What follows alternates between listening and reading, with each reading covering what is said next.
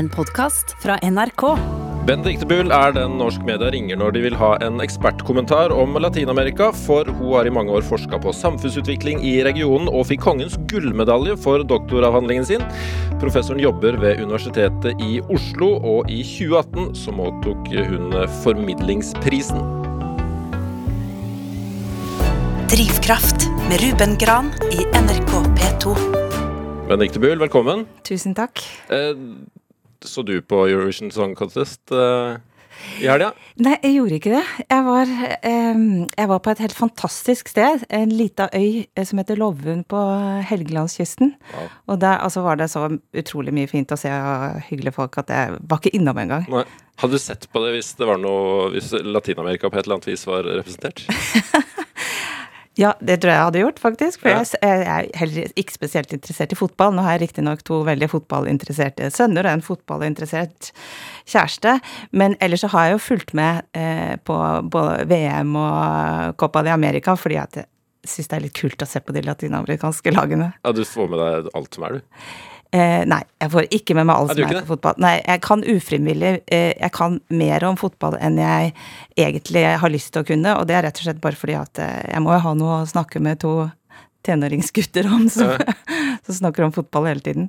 Men er det sånn at du, du hver dag Har du, har du i dag, f.eks., har du oppdatert deg på uh, nyheter eh, fra Latin-Amerika?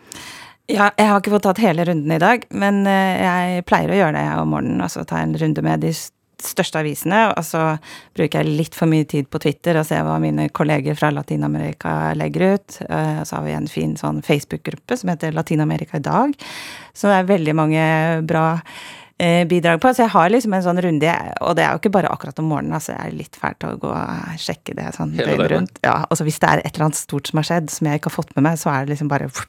I, I går var det rett inn på avisen i Peru, for det var en massakre i forbindelse med valgkampen som var skikkelig stygg. Og da må jeg jo liksom åh, hva er det jeg ikke har fått med her?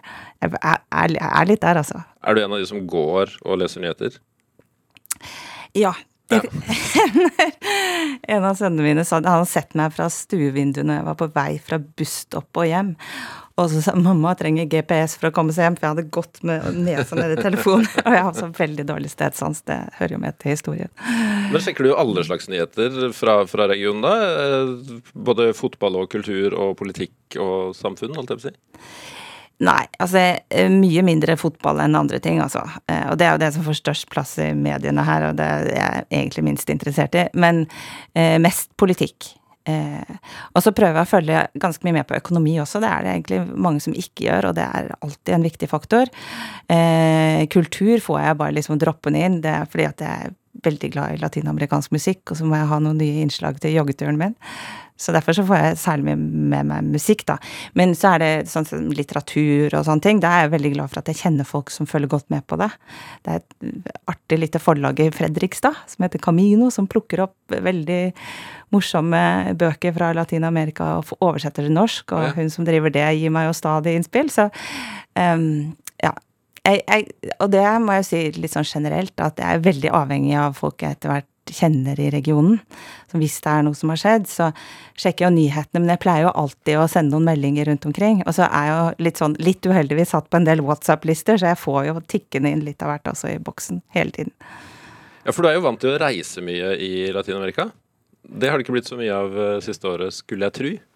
Nei, det har det blitt ikke noe. Jeg var i Venezuela i februar eh, i fjor. Liksom akkurat to uker før eh, lockdown.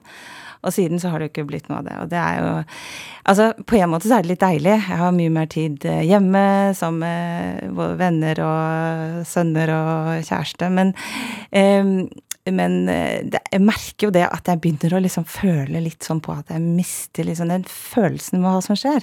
Som du får fra å reise der. Altså, vi forskere vi kan si så mye vi vil at vi sitter og studerer dette i veldig objektive termer, og her har du data. Som vi, altså vi forholder oss til data, og det gjør vi jo. Men vi forholder oss jo også til den, liksom, alle de tingene du snapper opp ved å være der, snakke med folk, forskjellige folk. Eh, og det føler jeg litt at jeg begynner å miste, og det savner jeg veldig, altså. Hvis du kunne reist i morgen, hvor hadde du dratt da? Um, jeg tror nok rett og slett jeg har dratt tilbake til Venezuela, for det, eh, jeg er jo veldig glad for at jeg ikke kan det, på en måte, for nå er det litt sånn ute av kontroll, veldig mange ting. Men, men nei, jeg hadde nok dratt til Venezuela, fordi det føler jeg er i så enorm endring som ikke vi får med oss. Nå har jeg godt samarbeid med en forsker der som gjør skikkelig spennende forskning litt sånn i samarbeid med meg. Men eh, jeg tror jeg har dratt dit først. Um, og så så står Chile faktisk ganske høyt på eh, plakaten for meg, men det har med de prosjektene som jeg driver. Også Colombia ville jeg gjerne vært i. Ja. Jeg tror jeg får det veldig travelt når jeg kan reise igjen. Du har dratt på en liten turné, ja. rett og slett. Men hvordan har det vært å Altså, eh, pandemi, koronapandemien har jo ramma rimelig hardt eh, Latin-Amerika. Hvordan er det å ha fulgt det herfra? Nei, altså, det har vært hjerteskjærende, må jeg bare si det var egentlig ganske forutsigbart at Latin-Amerika ville bli hardt rammet, fordi på de har de er, altså bor veldig tett i byer, de har en middelklasse som reiser mye, som tar med seg smitte. De har en stor andel av befolkningen i uformell sektor som ikke kan beskytte seg, og så er det veldig forskjellig hvordan regjeringene har håndtert det. Men jeg har jo ikke bare fått dette her inn med liksom de overordna smittetallene som er helt hårreisende, men også historier om venner, eh, og, altså venner som har visst av foreldrene sine, eh, som riktignok da kanskje har vært over 70, men i god form, og plutselig så er det eh, Og andre som har mista folk de kjenner godt eh, folk som sitter liksom Jeg sitter og skyper med dem, og de sitter inne i knøttsmå leiligheter og er eh, på fjerde måneden og er livredde. Så jeg syns det har vært det har vært rett og slett skikkelig hjerteskjærende å følge med på. Og også nå, som et, et lite land som Uruguay, tre millioner innbyggere, bra helsevesen, alt på stell, og de klarte seg bra veldig lenge. Og nå har de altså større, de største smittetallene per, nei, dødstallene per innbygger i verden. Så du vet liksom aldri hvor dette kommer til å slå til eh, i neste omgang. Og det er ikke bare de liksom små og fattige landene du kunne tenke deg at ville bli hardt rammet. Det er land som har hatt kjempestrenge tiltak og gjort alt riktig også. Så det er um, Og det er jo ikke over i Latin-Amerika på langt nær, altså. Men hva, hva, var grunnen til at det snudde og ble så mørkt si, i Uruguay? Nei, det er jo ikke jeg tror, jeg tror, det er masse vi ikke vet om dette her, men det som eh, Altså, de tok nok seieren litt på forskudd og, og, og, og løsna opp. Der hadde de liksom kontroll på alt. Riktignok ikke, var ikke vaksineringen kommet så veldig langt, men eh, de hadde en liksom filosofi om eh, en sånn frihet under ansvar. Litt sånn eh, og, og, de har funka i et lite land med relativt homogen befolkning. Og så åpna de opp um, sånn for noen måneder siden, og så bare eksploderte det. Og så handler det jo mye om altså at det ligger nær Brasil, som har vært en sånn eh, heksegryte av nye mutasjoner og, og, forskjellig. Og også Argentina, som har og masse flyt over grensa til Argentina, som også har vært eh, veldig hardt ramma. Så det er nok vanskelig for et lite land som ligger liksom så tett på store smittespredere. og å forsvare seg mot det. Men er det noen land som har klart seg rimelig bra? Ja, jeg hadde jo veldig gode svar på det for ikke så lenge siden, og så da bare raste det sammen overalt. Er det noen som har klart seg veldig bra? Altså, jeg vet ikke, altså Chile har jo klart vaksineringen veldig bra, men før det gikk det jo ikke spesielt bra. Men det har de jo. Um, det er egentlig ingen land som har veldig lave Altså Venezuela har jo veldig lave smittetall, men det er det jo ingen som tror på. Um, så, og Costa Rica klarte seg jo veldig bra, også et lite land. Altså, det er liksom tre land som alltid stikker seg ut på statistikker som de som fikser alt mulig best, og det er Chile, Uruguay og Costa Rica. Men nå har det jo begynt å rakne litt i Costa Rica også, så jeg har egentlig ikke noen sånn veldig gode svar på noen som har klart seg kjempebra. Men hvorfor, hvorfor tror du ikke på tallene fra Venezuela? Nei, altså det er jo fordi at jeg hører masse historier om, eh, om folk som er syke og som ikke får behandling og så, så, på en måte kan det være at det er litt lavere smittetall der enn andre steder. Men eh, det er, det er kanskje også for landet er mye mer isolert. Det er veldig mange fly som har slutta å dra til Venezuela. Det er veldig lite på en måte eh, utskiftning. Men det er jo altså Venezuela har ikke publisert fattigdomstall siden 2015. Eh, det fins nesten ikke statistikk over noe som helst. Eh, som er offentlig, altså offisiell statistikk. Det fins organisasjoner og sånn. Så eh, det hadde vært veldig underlig om de plutselig skulle ha veldig presis statistikk over eh, koronadødsfallene, og, og ikke har noe om alt mulig annet. Så det tror jeg ikke vi skal tro så mye på. De er generelt litt slappe med rapporteringen? Nei, dette her er nok ganske bevisst, bevisst tilbakehold. Ja, også, altså det, også en sånn det offentlige sektor som har vært i total krise i årevis. Helsesektor som har kollapsa. Rett før koronanedstengningen så var jeg og besøkte et lite, eller et lite sy, såkalt sykehus eh, i grenseområdene mot Colombia. Det var jo jeg vet ikke, altså jeg hadde ikke lagt inn katta mi der. Hvordan, hvordan, hvordan var det der? Det var jo ingenting. Det var et eh, hus med noen liksom murhus med noen skitne senger og Nå var jo dette ekstremtilfellet, da. Det er selvfølgelig mye bedre helsestell i, i de store byene. Men, men helsesektoren har lenge vært i krise. De har ikke fått tilgang på medisiner og utstyr, og veldig mange leger har også dratt fra landet. Så det står ikke bra til. Hvilke følger tror du pandemien vil få for disse landa i etterkant? Nei, Det syns jeg er veldig skremmende å tenke på, egentlig. For du har en galopperende eh, fattigdom nå. Og, eh, og du har også en voldsom sånn tillitskrise til myndighetene. Du har en del, eh, en del eh, utfordringer når det gjelder demokrati. Du har sett i land etter land. fordi at folk da eh, slutter å stole på myndighetene som har håndtert dette her eh, på en helt elendig vis, så har du heldigvis noen positive trekk, og du får kanskje en, et økonomisk oppsving i år. Eh, men det jeg er redd for, at du får liksom en sånn en enda større kronisk underklasse. Og det som er litt sånn i forhold til Latin-Amerika har vært gjennom mange kriser. Denne her er den verste noensinne, altså som man har tall på.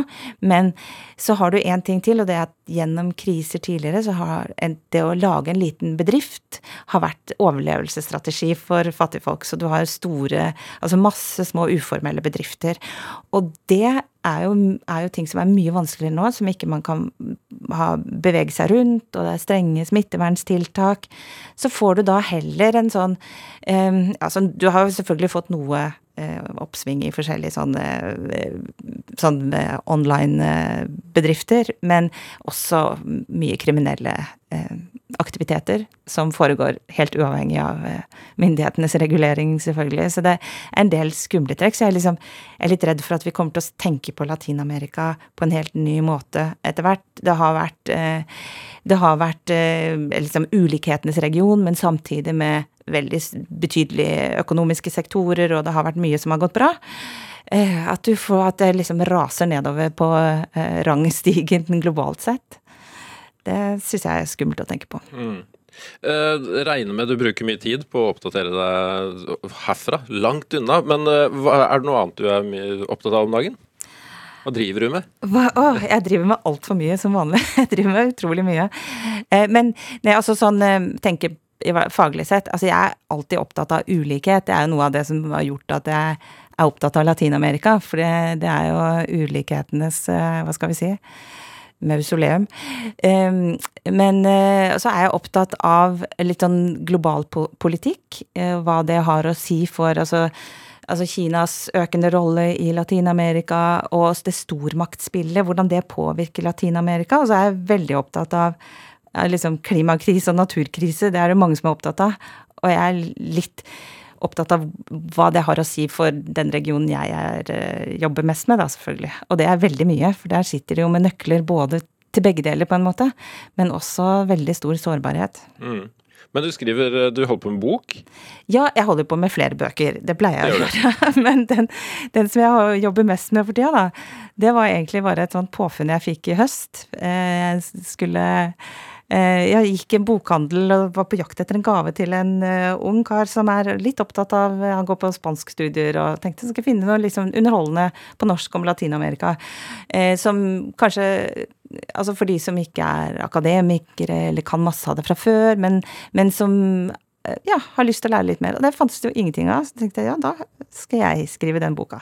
Så det holder jeg på med. Ja. Så den har jeg tenkt skal være kommet til høsten. Så Jeg er ferdig med Og den handler om Latin-Amerika i en ny verdensorden.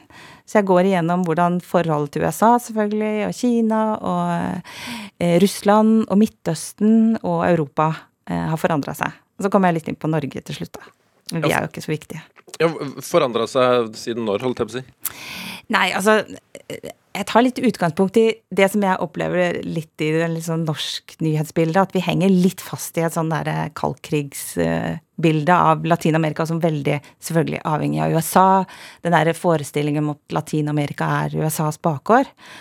Og eh, Så jeg begynner litt sånn historisk, men jeg er opptatt av å vise hvordan da avhengigheten av USA er blitt mye mindre, at det er veldig mange andre aktører som spiller viktig rolle. Selvfølgelig er Kina kjempesterkt inne, men også hvordan deres rolle på en måte er litt annerledes, fordi kinesere i Latin-Amerika historisk, og egentlig fremdeles, har blitt veldig diskriminert. Så hvordan er det da når noen som har blitt liksom tråkka på, eh, diskriminert, kommer og, og, og, investerer og skal være noen som begynner å bli litt sånn eh, Ja, i hvert fall kapitalister. Um, uh, og så syns jeg det er kjempeinteressant Jeg syns alle sånne litt uh, sånn koblinger som, man, som, er litt skjult, uh, er litt interessante. Og, og den koblingen til Midtøsten, den er det jo egentlig få som vet så mye om, men det er jo masse folk med arabisk opprinnelse i Latin-Amerika, rundt 25 millioner, og, og, de har, eh, sitter i mange nøkkelposisjoner, altså store deler av næringslivet, masse tidligere presidenter, og Shakira har vi kanskje hørt om, hun er jo også av libanesisk opprinnelse, og eh, Latin-Amerikas eh, rikeste mann, Carlos Slim, er libaneser. Og, altså hvordan oppstår disse her relasjonene, og hvordan utvikler de seg, og alle disse tingene syns jeg er superinteressant sjøl, så jeg håper at uh, det er noen lesere også som syns det. Jeg leser den. Bra. Det er jo solgt én kopi. Du hører Drivkraft i NRK P2. Og i dag så er det Benedicte Bull som er her eh, hos meg i P2. Benedicte Bull, statsviter og professor som er ekspert på Latin-Amerika. Men eh, du kommer Jeg holdt på Det var fristende å si du, kom, du, er, du, er, født og oppvokst i Norges eh, Latin-Amerika. Jeg vet ikke om det er noe parallell der i det hele tatt, men du er fra Kristiansandsområdet i hvert fall? Ja, ja. Jeg er, født, ja. jeg er født i Kristiansand og vokste opp i Voiebyen i utkanten av Kristiansand. På ingen måte Norges Latin-Amerika, altså. Hva? Bare, hva er Norges Latin-Amerika? Det, siste året så er jeg blitt bedre kjent med Nord-Norge. Ja. ja. Eh, og det handler om at jeg har en eh, nordlending, eller en sånn eh, Polar-Dego, som var en gammel sang av Unit 5, eller So, eller noe sånt, eh, eh, som kjæreste. Og jeg har vært over hele Nord-Norge Nei, ikke Finnmark, jeg kan ikke skryte av det. Men eh, jeg føler det er litt mer latinsk, altså i hvert fall folkesjela. Altså det er, sørlendingene er jo litt mer introverte, og ting er litt mer indirekte, og det er ikke mye eh, samba i gata der. Ja, det, det. prøvde de seg jo på 80-tallet. Sånn, men det var kortvarig glede. Nei da, jeg er født i Jeg sa en gang i et intervju at jeg er veldig glad i Sørlandet, men jeg er ikke så begeistra for sørlendinger. Det har jeg fått litt pepper for i etterkant. Og det var jo litt satt på spissen. Men eh, jeg, jeg har liksom aldri helt følt meg hjemme på Sørlandet, selv om jeg er født og vokst opp der. Og det har kanskje med dialekten min å gjøre. Ja, Det høres jo ikke ut som du har vokst opp der. Nei, jeg gjør ikke det. Det... Hvor, hvorfor ble det sånn? det, det, var ikke bevisst den gangen. Eh, foreldrene mine er fra Oslo, og, og det er visst sånn at eh, barn av foreldre fra, fra, Østlandet i mindre grad skifter dialekt, eller tar dialekten på gata, eh, på Sørlandet enn andre steder. Har Sylfest Lomheim eh, opplyst meg om på et, et eller annet, en eller annen sammenheng. Så jeg vet ikke helt hvorfor, men eh, det ble aldri sånn. Og så flytta jeg til Oslo da jeg var sånn 19. Og så måtte jeg rendyrke litt mer østlandsdialekten. Det var nok litt mer blanding den gangen. Det var det nok, men ikke ja. veldig. Hvordan var eh, oppveksten din på, på Sørlandet? Ja, altså, nei, den var fin. En liten drabantby i utkanten av Kristiansand. Eh, som var eh, litt sånn veldig eh, blanda. Eh, sånn drabantbyer kanskje pleier å være, med liksom høyblokker og trassehus og noen eh, rekkehus. Og folk som eh, liksom ble stappa sammen på relativt liten plass. Fra ikke alle sosiale klasser, vil jeg si, men det var vel heller i nedre halvdel. Men, det, men veldig fritt og, og og på en måte ubekymra. Jeg hadde jo eh, Faren min døde da jeg var bare fire år, så moren min Og moren min var eh, sjefsbioingeniør og lokalpolitiker, og så vi var mye alene og ute i gata, og det var på en måte en mye liksom, friere og mer uorganisert eh, hverdag enn mange unger har nå, da, tenker jeg. Men så syns jeg jo etter hvert at um, dette her Altså når jeg ble litt tenåring og sånn, så var det jo veldig sånn todelt mellom bedehusmiljøet og de som ikke var med i det. Og hvis ikke du var uh, liksom sportsengasjert, så var det Parko. Parko? ja, altså sånn Da var det liksom rølpegjeng Det var enten bedehuset eller liksom rølpefester. Men um, Eh, og det ble, var jo litt sånn eh, litt trangt, så jeg var jo vel egentlig helt fra jeg var liten opptatt av å reise og komme ut, og var opptatt av å skrive. Jeg skrev jo ting hele tiden. Og så fikk jeg relativt tidlig, jeg var vel 16 år, så fikk jeg jobb i Fedrelandsvennen. Og det var veldig stort, altså. For da fikk jeg, og, og moped da kom jeg meg litt rundt i byen og så andre ting, og det var eh, litt åpning, åpenbaring for meg. Men hvem, hvem, hvem, av de gruppene var du i? Var du i bedehusgjengen eller i festgjengen? Nei, jeg var i festgjengen, ja. Mm. Og det var liksom ikke noe særlig imellom. Eh, også siden jeg aldri har vært spesielt god i sport. Så var jeg i festgjengen uten tvil. Men jeg var også opptatt av politikk og sånne ting, da, så det ble etter hvert liksom politisk engasjement og kombinert med festgjengen. Men du er vokst opp i en katolsk familie? Ja, Nå har ikke de så mange bedehus, katolikkene muligens, men uh, Nei, hvordan, hvordan prega det deg? Nei, egentlig eh, Det ja, kanskje ikke sånn voldsomt, det var ikke noe som tok sånn veldig stor plass. Men jeg husker jeg skamma meg litt over det. Men altså, barn og eh, tenåringer kan vel skamme seg over så mye. Og liksom, jeg var liksom annerledes. Jeg var østlending og katolikk og hadde ikke pappa og var litt sånn annerledes. Så det var noe jeg ikke sa til noen, egentlig. Men jeg gikk jo på sånn religionsundervisning en gang i måneden fra jeg var åtte. Eh, så etter hvert så kom det jo for en dag, da, hva jeg hadde drevet med. Men eh, jeg, jeg har litt sånn Jeg er ikke veldig religiøs, men jeg har litt sånn nære godhet for eh, en del av den katolske kirken. Og blant annet der, så altså det var jo en kirke som ikke hadde noe makt, og det tenker jeg er veldig bra. Eh, andre steder i verden har den katolske kirken mye makt, og det er ikke så bra, syns jeg. Og så var det jo eh, Sørlandet på 80-tallet var jo veldig homogent, eller 70- og 80-tallet, eh, men i katolsk kirken så var det jo folk fra hele verden. Det var noen spanjoler og noen uh, irer og noen amerikanere. Og så etter hvert kom liksom større grupper da, med polakker og vietnamesere. Og, så det var et mer sånn åpent og fritt uh, og inkluderende miljø. Som jeg tenker uh, Som jeg egentlig likte. Og så har jeg jo sett igjen noe av det der jeg likte ved den katolske kirken i deler av Latin-Amerika. Jeg veldig, har helt voldsom respekt for blant annet disse jesuittprestene som jobber i de verste områdene i Mellom-Amerika, opp i slummen og volden, og, og, de står i det, altså. De gir seg aldri. Eh, deres eh, på en måte innstilling til det de møter, og deres også politiske engasjement, det må jeg bare si er en dyp beundrer av. Ja, apropos politikk, du hadde en eh, politisk engasjert eh, jeg vet ikke om det var karriere eh, som ungdom? Nei, det kan ikke kalles karriere, altså. Men jeg var så vidt innom Unge Høyre. Eh, og det handla også litt om ja, moren min var Høyre-politiker, men også at det, det, var på en måte litt sånn fristed. Altså Sørlandet den gangen, det var litt eh, klamt og tungt og stengt. Eh, og så Men eh, ja, ja, det er kanskje, kanskje er litt sånn feighet, men jeg har aldri klart å liksom være, stå i noe sånn eh, politisk parti og skulle være enig med alle eh, der. Og det, det, passer ikke helt meg, altså. Så jeg, jeg, det var vel sånn fra jeg var 14 til 16. Jeg var, og så var jeg engasjert i liksom skolepolitikk og sånn gjennom det, da. Og det var jo veldig interessant. Det er jeg veldig glad for at jeg var. Hvordan er det med det politiske engasjementet i dag? Nei, jeg er ikke med i noe politisk parti. Og, eh, men altså, jeg er jo opptatt, veldig opptatt av politikk. Jeg har studert statsvitenskap. Det er forresten noe som jeg, jeg, føler En del av studentene mine føler jeg studerer statsvitenskap bare liksom, ja, det høres liksom lurt og greit ut. De, men de er ikke veldig opptatt av politikk. Men det er jeg. Jeg er opptatt av eh, fordelingspolitikk, jeg er opptatt av utenrikspolitikk. Jeg er opptatt av det. Og, eh, og jeg, jeg, er ganske ofte og blir invitert til politiske partier for å komme og snakke om Latin-Amerika, og det syns jeg er veldig spennende. Men jeg klarer litt Altså, man, kun, man, kan jo helt klart være partipolitisk aktiv og være forsker samtidig. Men eh, jeg dreiv i tolv år det der nett, Norsk nettverk for eh, Latin-Amerika-forskning, hvor jeg liksom fronta litt Latin-Amerika utad, og jeg var inviterte masse folk hit og arrangerte ting. Og da syns jeg egentlig det var veldig greit å også i den rollen å ikke ha noe sånn partipolitisk eh, tilknytning. Men politisk engasjert, det er jeg. Hva er forholdet til Høyre i dag, da?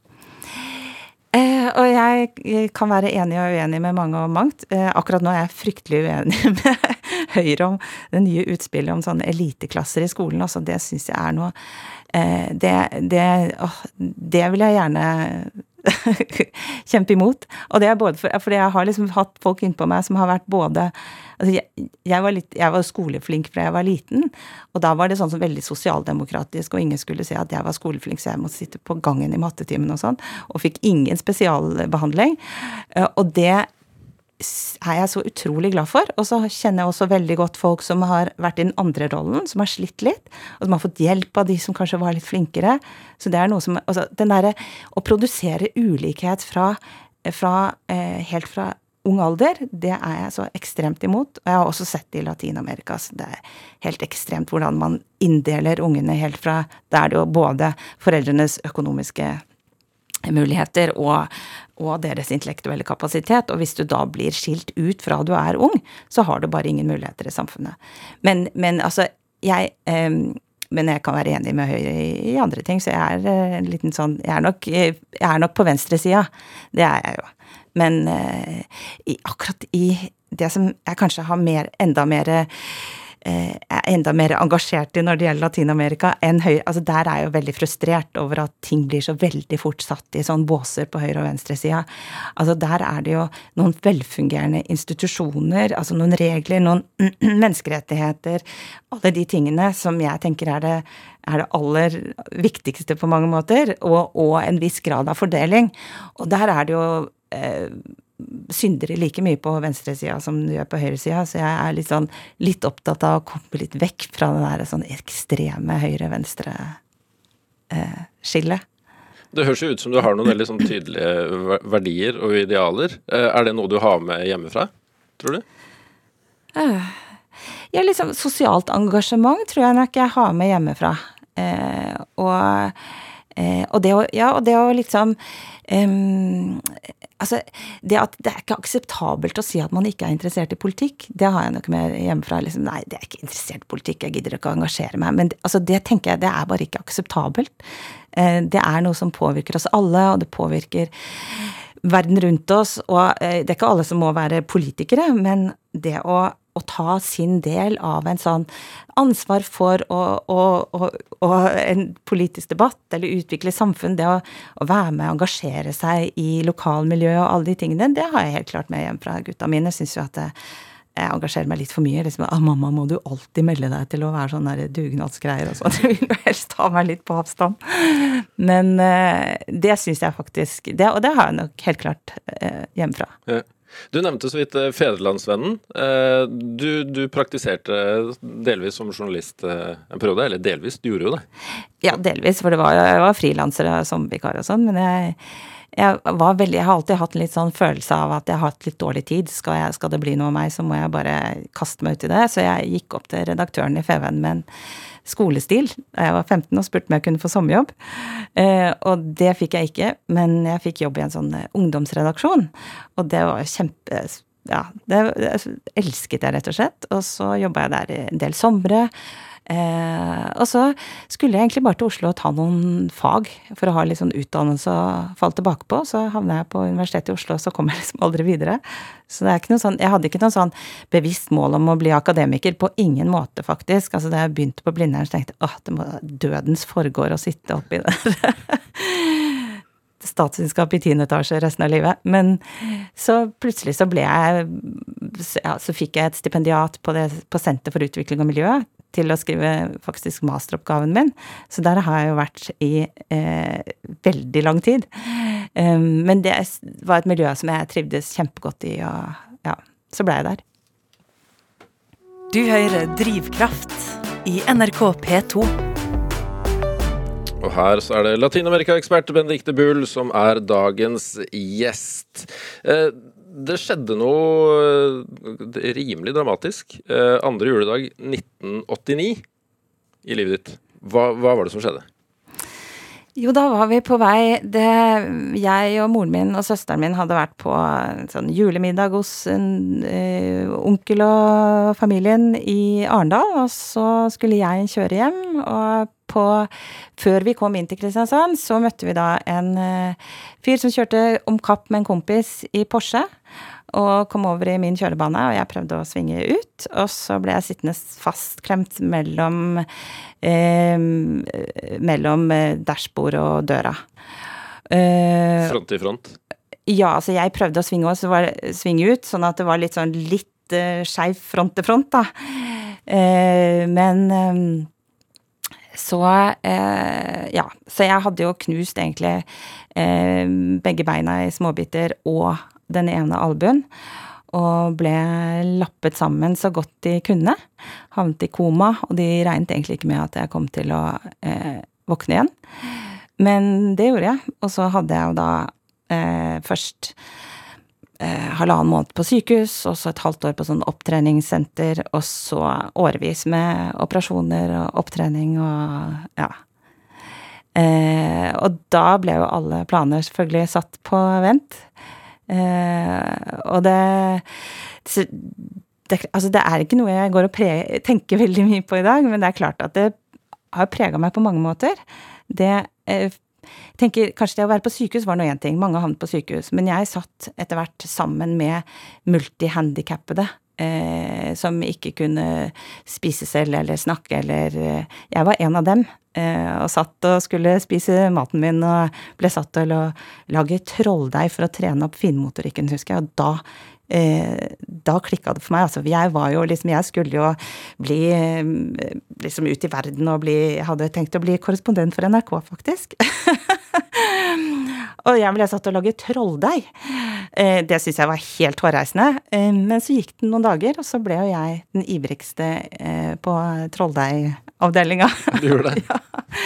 Og jeg tenkte, jeg tenkte faktisk mye på det. At det, liksom, ok, her er vi, og this is as good, good, good, as it gets. Man må bare ta og begynne her, og trene seg opp litt etter litt. Og tenker det har lært meg utrolig mye om hva mennesker Eh, kan tilpasse seg, og likevel på en måte finne en eller annen verdi i hverdagen. Når absolutt alt du gjør, egentlig gjør vondt. Eh, du, alle planer faller i grus. Du er en grønnsak som må bæres og trilles rundt. Eh, og ikke kan gjøre noen ting. Jeg følte jo litt sånn at det var, var meg som var havnet i fengsel, fordi jeg lå på et lite rom. Jeg kunne ikke gå på do uten at det var ekstremt smertefullt. Men så Da, da set, senker du på en måte litt standarden, da, for, for, hva som gir deg glede i hverdagen. Og så er det bare det at du klarer å faktisk gå to skritt uten hjelp. Og etter hvert litt flere skritt. Etter hvert at du kan være med på byen i rullestol. Jeg hadde en utrolig snill venn som hadde en far som satt i rullestol og hadde bil han kunne trille meg inn i. og så um, ja, det, det, har nok gjort en del med måten jeg ser på livet. Det skal en del til før jeg liksom lar meg helt knekke. Ja, Når du snakker om det nå, så ser du jo mer triumferende enn uh, trist ut. Jeg merker at jeg blir litt sånn berørt av å snakke om det. Gjør det? Ja, jeg gjør det. Og litt at Det er ikke noe komfortabelt å være i en sånn offerrolle. Og det syns jeg jo alltid Altså, det å liksom uh, bli syns synd på, det er ikke noe gøy. Eh, og så føler jeg jo også det at eh, det er et litt sånn tilbakelagt stadium. Eh, men så, så, det er ikke noe jeg blir trist av å tenke på i det hele tatt.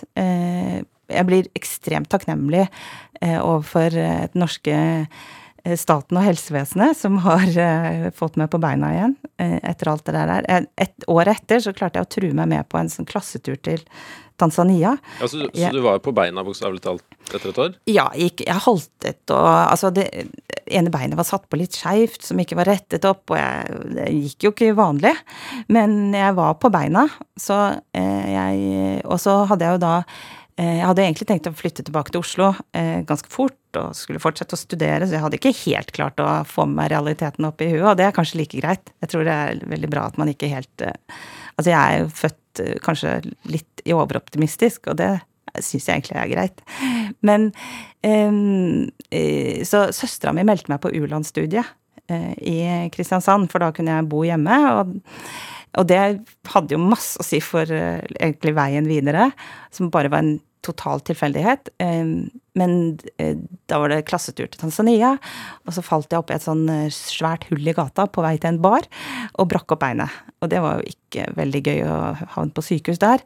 Men Eh, den følelsen av først liksom det som skjedde i, i, Norge Jeg satt der totalt hjelpeløs eh, med helt grusomme smerter. Eh, men det var en stat som kom fra alle kanter, på en måte. Det var politi og brannbil og Falken og syke, alt sammen. Og jeg ble liksom støttet hele veien til å sitte på gata i Dar es Salaam, hvor det fantes ingen Selvfølgelig så jeg husker læreren vi hadde med oss, han ringte rundt for å få tak i en sånn trøkk som etter hvert ble plassert opp og prøvde å finne et sykehus. Det, og den følelsen av altså, hva det gjør med vår trygghet og identitet, kanskje, liksom hvor eksistensielt det er å ha en stat som fungerer rundt oss, det tror jeg har sittet veldig hardt i meg etterpå. Ja, har det Altså, det der høres ut som en veldig pregen kanskje, Altså minst like pregende eh, opplevelse. Altså, har det gjort noe med veien din videre i livet, tror du?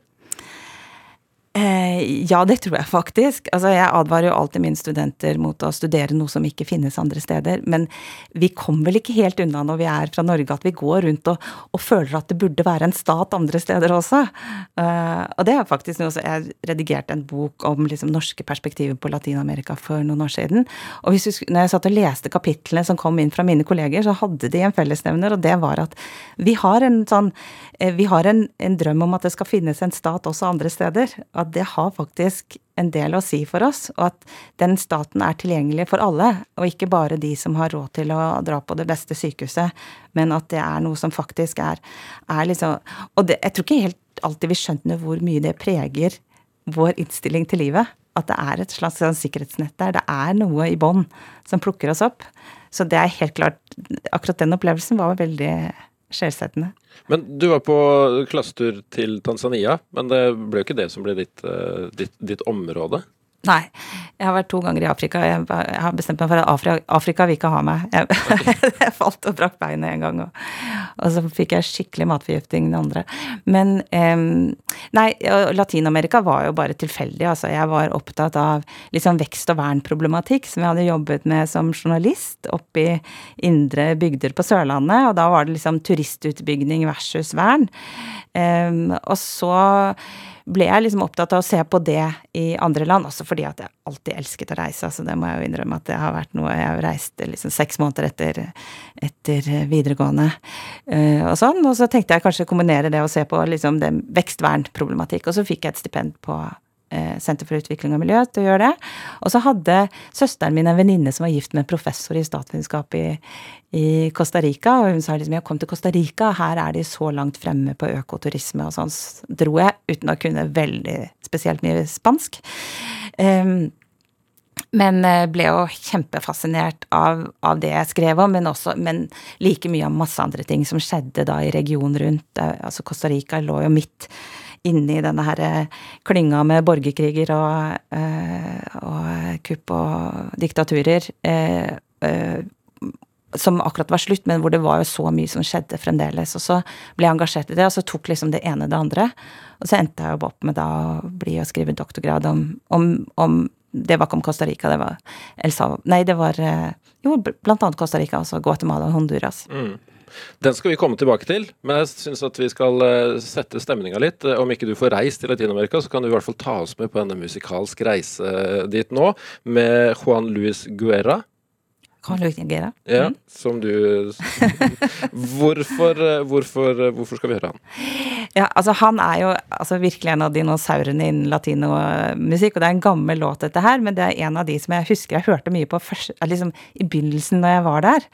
Eh, og den kombinerer liksom den fantastiske musikken og livsgleden og rytmene med Dette er et veldig sosialt budskap. Den heter liksom 'Jeg skulle ønske det regnet eh, kaffe på landet', og, og melk og honning og, og mais og mel. Eh, fordi at eh, så, så, det kombinerer de tingene. Og så er det en liten sånn historie knytta til det, og det var at jeg satt, og hør, satt og, jeg satt og hørte på den låta en biltur sammen med min daværende kjæreste, som var en sånn gammel krigsreporter i Mellom-Amerika og kunne alt. Altså.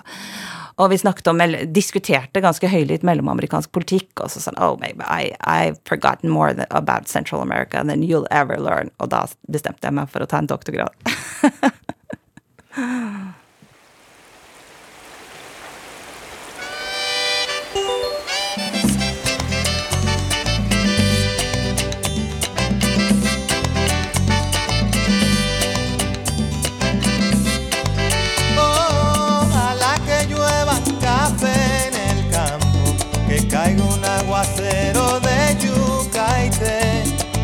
una harina de queso blanco y al sur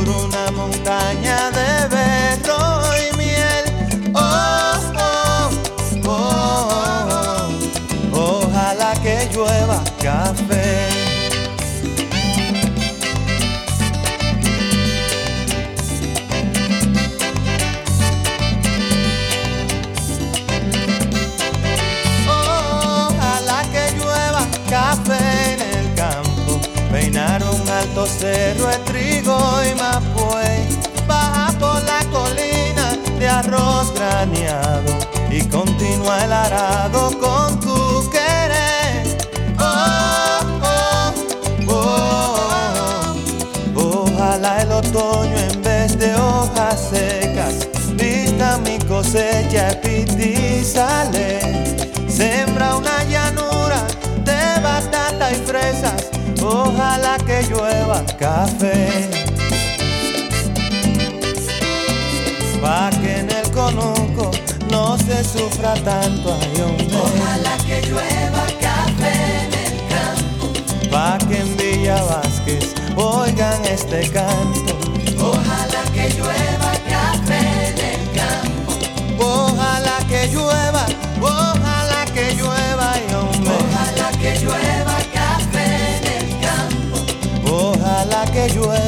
café.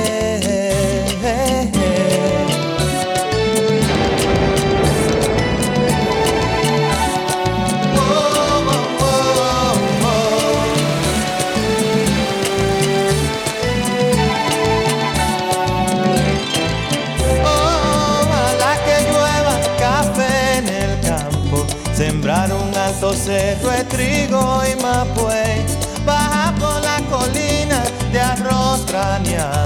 y continúa el arado con tu querer. Oh, oh, oh, Ojalá el otoño en vez de hojas secas vista mi cosecha y sale. Sembra una llanura de batata y fresas, ojalá que llueva café. pa' que en el conuco se sufra tanto. Ojalá que llueva café en el campo, pa' que los montones oigan este canto. Ojalá que llueva café en el campo, ojalá que llueva, ojalá que llueva, y hombre. Ojalá que llueva café en el campo, ojalá que llueva café pa' que todos los niños canten en el campo.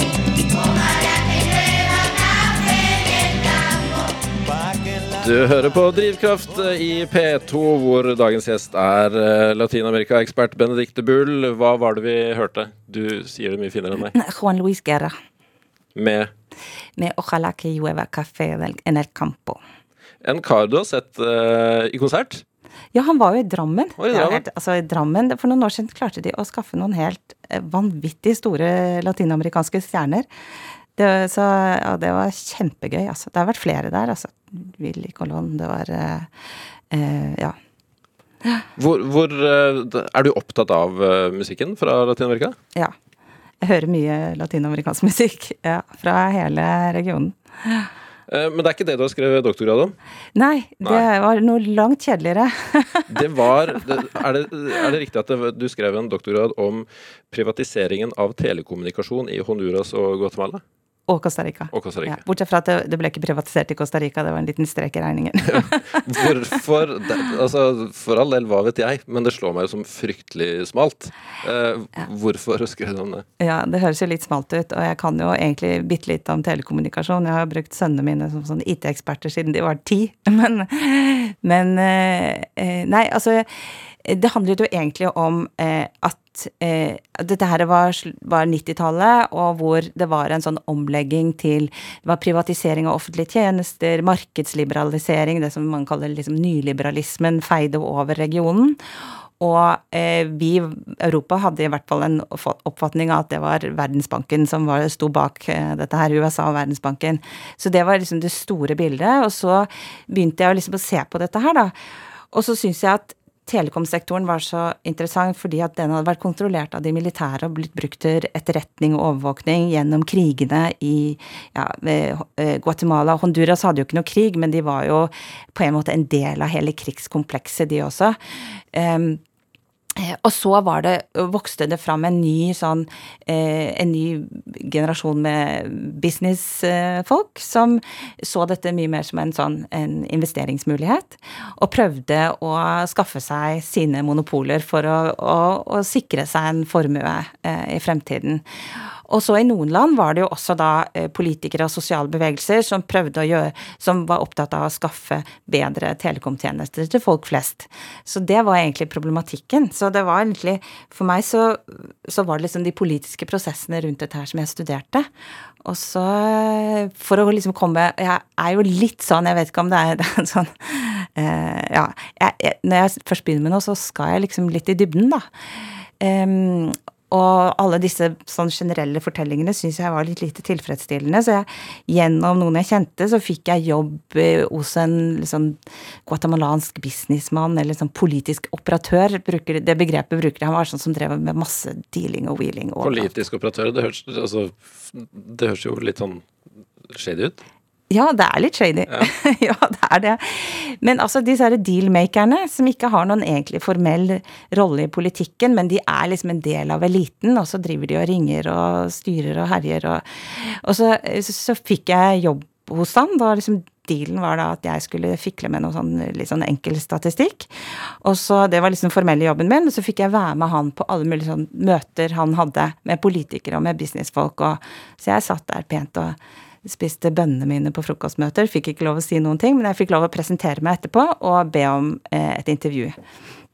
Og på den måten så kom jeg jo litt sånn under huden eh, på eh, litt sånn elitenettverk i Guatemala.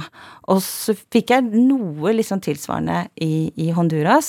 Så det var det jeg etter hvert begynte å nøste i, og det er det som liksom ble etter hvert eh, også mitt forskningsfelt senere, altså elitene og hvordan de tenker, hvordan de organiserer seg. Hva er det ved elitene som gjør at, at ting ikke går sånn som man tenker det skal gå? Altså som bremser demokrati og fordeling og alle de tingene. Og det er jo kanskje også litt sånn inspirert av norsk historie, for det, vi, vi har sett mye Det skrives mye om arbeiderbevegelsen og alle de tingene som jeg tror er kjempeviktige for å forstå norsk historie, men vi hadde også noen eliter som var med på de avtalene, og som var langt mer imøtekommende enn det vi, har, det vi ser f.eks. i Latin-Amerika.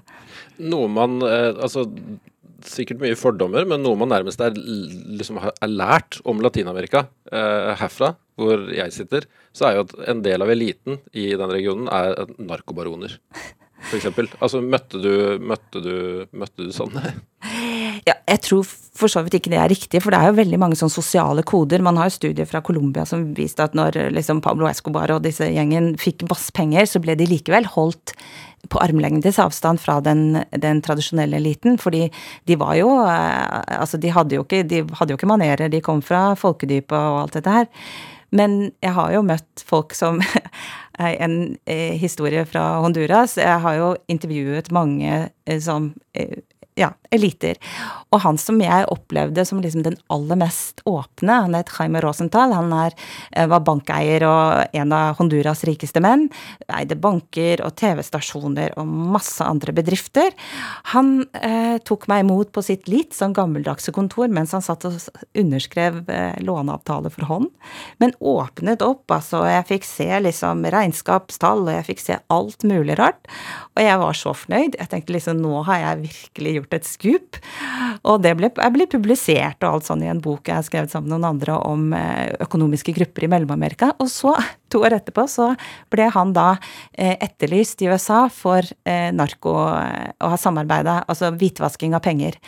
Og sønnen hans ble arrestert. Han selv ble satt i husarrest. Så han, altså, alt det her han satt og fortalte meg, det var jo bare bitte liten del av sannheten. mens mye annet. Og, så, og jeg opplevde jo han som kanskje den mest ærlige av alle de jeg intervjua i Honduras, så jeg sitter jo og tenker på hva alle de andre egentlig skjuler, som ikke de hadde blitt tatt for. Så nei, jeg har ikke møtt liksom jeg har ikke møtt de som står på plakaten, eh, egentlig. Altså de sånn Jeg har ikke møtt eh, eh, eh Chapo Guzman-typen i Mexico eller eh, Pablo Escobar-typen i, i, eh, i Colombia. Jeg har møtt sønnen til Pablo Escobar. Han var i Norge for å promotere en bok. En ja, veldig, ja. veldig trivelig type. Men, eh, men jeg, har møtt, jeg, har nok møtt ganske mange som har drevet med hvitvasking av penger. Mm. Det har jeg nok helt sikkert. Og ikke alltid visst om det sjøl. Men akkurat den økonomien, jeg vet ikke helt hva spørsmålet mitt er, men det er noe med det økonomien i Latin-Amerika som Man nevner jo gjerne hvitvasking veldig mye. Altså er det er økonomien bare en sånn salig smørje av hvite og svarte penger? Nei, altså noen land så tror jeg du kan si det. Eh, Honduras eksempel vil jeg si er en smørje. Eh, Guatemala eh, også til dels. Eh, men ikke alle land, altså. Du har jo altså du, har, altså du har, jo store, tunge økonomier som eh, den brasilianske, den chilenske økonomien. Så selvfølgelig er det kriminelle elementer der òg, men det er ikke det som er dominerende. Det er jo formelle institusjoner, det er kontrollmekanismer, det er ikke liksom cowboyøkonomi over hele regionen. Det er det ikke. Men, eh, men, det er nok mye penger som siver inn fra den, eh, den, eh, den ulov, ulovlige økonomien i en del land. Eh, Særlig, i Mellom-Amerika. Til dels Mexico, men Mexico har jo også veldig store, miljø, store miljøer som er liksom eh, For det første så er de veldig eh, kobla til utenlandske aktører, og så er det jo eh, betydelige kontrollmekanismer i mange Men ja, så, det, så, det var, så ja, det er til stede, men det er jo ikke det som gjennomsyrer absolutt alt, heldigvis. Altså. Hva, hva, hva er det du elsker ved Latin-Amerika? Uh, og jeg, jeg, blir litt sånn, sånn Ordet Latin-Amerika-entusiast syns jeg blir litt sånn banalt. Men altså, jeg elsker jo først og fremst folk, altså. Den herre energien. Uh, folk som er engasjert i ting, som er uh, Ja, og musikk og kultur og den herre Ja, den energien er det jeg egentlig elsker ved Latin-Amerika.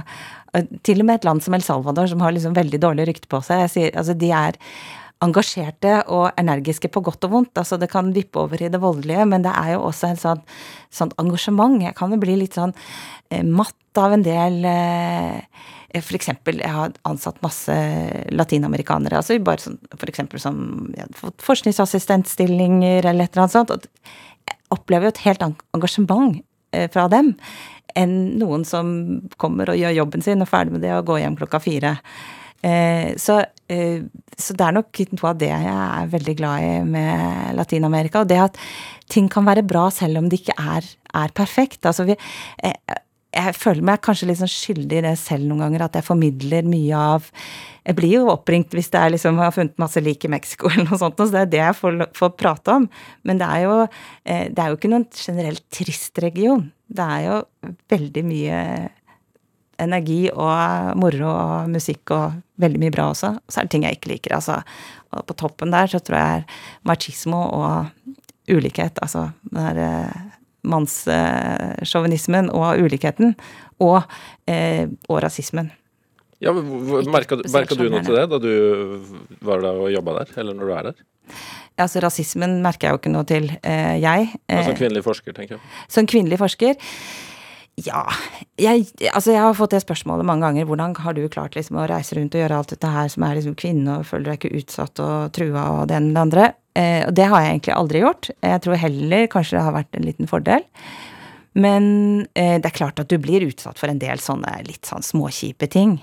Eh, men da tenker jeg at jeg, jeg har hele tiden hatt min karriere her. Jeg er avhengig av Universitetet i Oslo for å få opprykk, og det er her jeg formidler, det er her jeg blir vurdert.